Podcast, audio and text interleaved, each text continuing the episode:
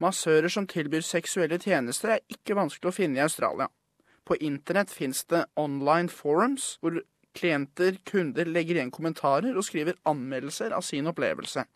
Det finnes mange sånne nettsider. Joy vil ikke vise sin identitet, så vi har endret hennes navn og stemme. Hun jobber som thaimassør og er rundt 30 år, og har jobbet ved flere massasjesteder i Sydney i rundt ett år. Disse forretningene er ikke alltid åpne om å tilby sex, men ofte forkler sin bedrift som massasje. Joy er i Australia på studentvisum, mens hun studerer engelsk og markedsføring. When I was in Thailand, I never thought I would end up offering dodgy massage. When I first started working as a masseuse, I was actually surprised to know that this kind of service existed. But after so many clients asked me, I thought to myself, okay, I'll do it because I get a lot of money and it is less tiring than normal massage. Forretningseieren betaler vanligvis halvparten til Joy for en standard massasje. Ekstra tjenester er forhandlet med kunden direkte. For sex, naken massasje eller happy ending varierer prisen mellom 20 dollar og 150 dollar, og Joy kan beholde hele summen. Hun sier hun kan tjene rundt 1500 til 1700 dollar i cash per uke. Og hun sier at forretninger ofte får flere kunder av sexsalg, og ofte lar ting fortsette av den grunn. Professor Helen Pringle, som er professor ved University of New South Wales, har ekspertise innen human trafficking og sexslaveri. Hun sier mange massasjebedrifter er i gråsonen. There'll be legitimate massage or ordinary massage that is offered, but will say there is a possibility of happy ending. Often the employer will hire people to do massage, but say, look, you know, if you want a little bit of extra money, you can do happy ending. It's kind of not usually penetrative sex in the usual sense of prostitution. So there's this kind of grey area that a lot of massage parlours operate in between normal, ordinary massage and between brothels.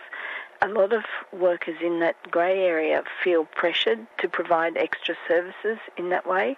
Anns navn og stemme har også blitt endret. Hun eier en massasjeforretning i Melbourne og sier det finnes tre forskjellige kategorier. The first type is out in the open massage shops, whose owners tell their clients about available sexual services and advertise new stuff.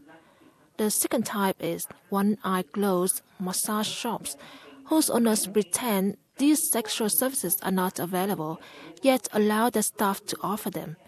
The final type is hidden massage shops, whose owners declare that there are no sexual services available, yet individual staff might offer them secretly. Det er ikke ulovlig å selge sex i Australia, men loven varierer fra stat til stat. Queenslands Prostitution Licensing Authority har ansvaret i delstaten. I New South Wales er dette styrt av lokale råd som gir ut lisenser og etterforsker brudd på regler. I Victoria er dette ansvaret til politiet.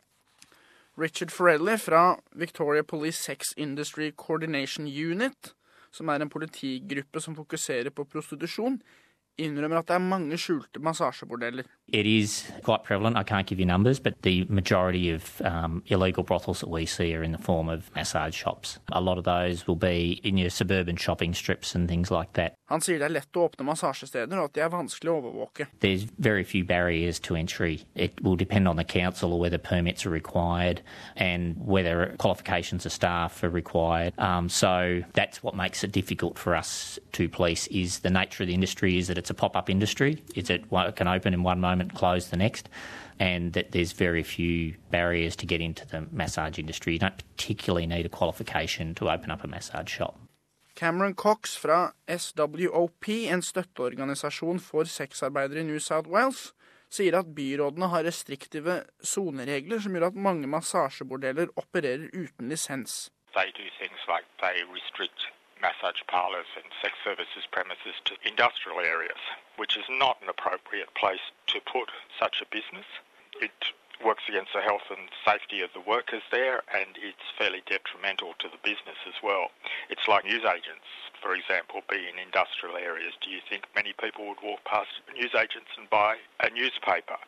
Other councils restrict sex services premises by what's called anti-clustering laws, and they'll say that one sex services premises can't be within, say, two kilometres of another sex services premises. And so those council restrictions basically force people to try and bypass them at times. Ulisenserte massasjesteder er vanskelig å overvåkne med tanke på helse og sikkerhet. Joy sier at forretningen hun jobber for, aldri ba henne sjekke seg for kjønnssykdommer.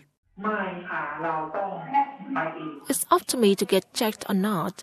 When I first came here, a friend told me to get checked, so I get checked every six months. Joy mottar gratis og anonym STI-sjekk fra Sydney Sexual Health Center ved Sydney sykehus. Hun får også informasjon om seksuell helse og om sexarbeideres rettigheter.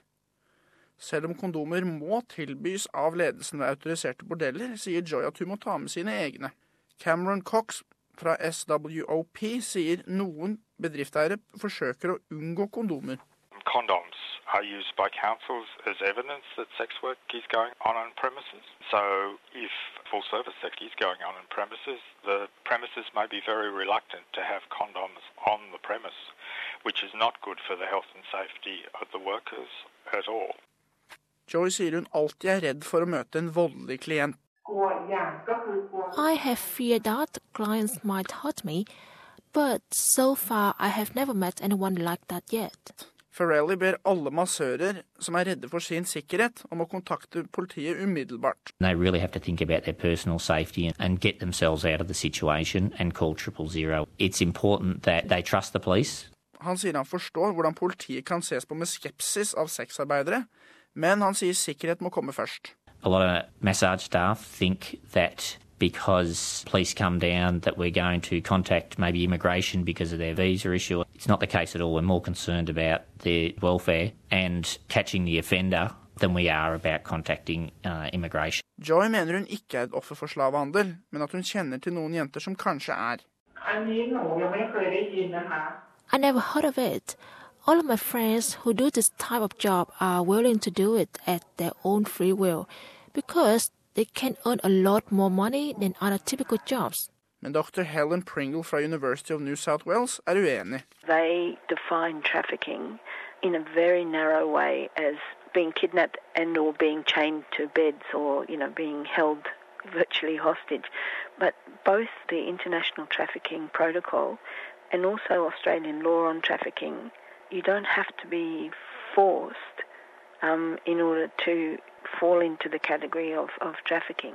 So the provisions in Australia uh, at the Commonwealth level talk about, you know, whether the employer is reckless, whether the employee will be exploited. And so I would say that the key problem is exploitation rather than the movement across borders or that kind of movement in trafficking. Dr. Pringle sier hun vil se Australia følge Skandinavias eksempel. Der er sexarbeid lovlig, men å kjøpe sex ulovlig.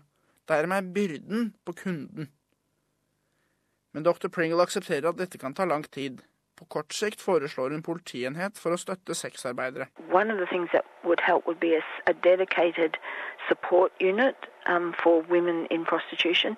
There is a dedicated unit like that in Sweden, which works so that women can bring their complaints or bring their problems and questions to that dedicated support unit. And it would have to be a unit that women would have confidence in. For kunder som er ute etter en happy ending fra et massasjested, har politiet en beskjed. If you uh, want to receive sexual services, is to go and use a licensed brothel or an escort, um, and rather than go into a massage shop and um, and and receive sexual services there from a person who um, doesn't go through the same regulation um, process as um, what's in the licensed or regulated sector. I mellomtiden vil Joy fortsette i sin jobb. Hun sier hun ikke ser på seg selv som en sexarbeider, men som en massør som gjør kundene lykkelige.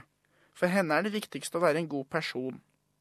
Hennes liv i en bransje som er lukrativ, men ikke uten risiko, gjør at Joy håper på en bedre fremtid hjemme. I will do this massage job for another two years and save as much money as I can.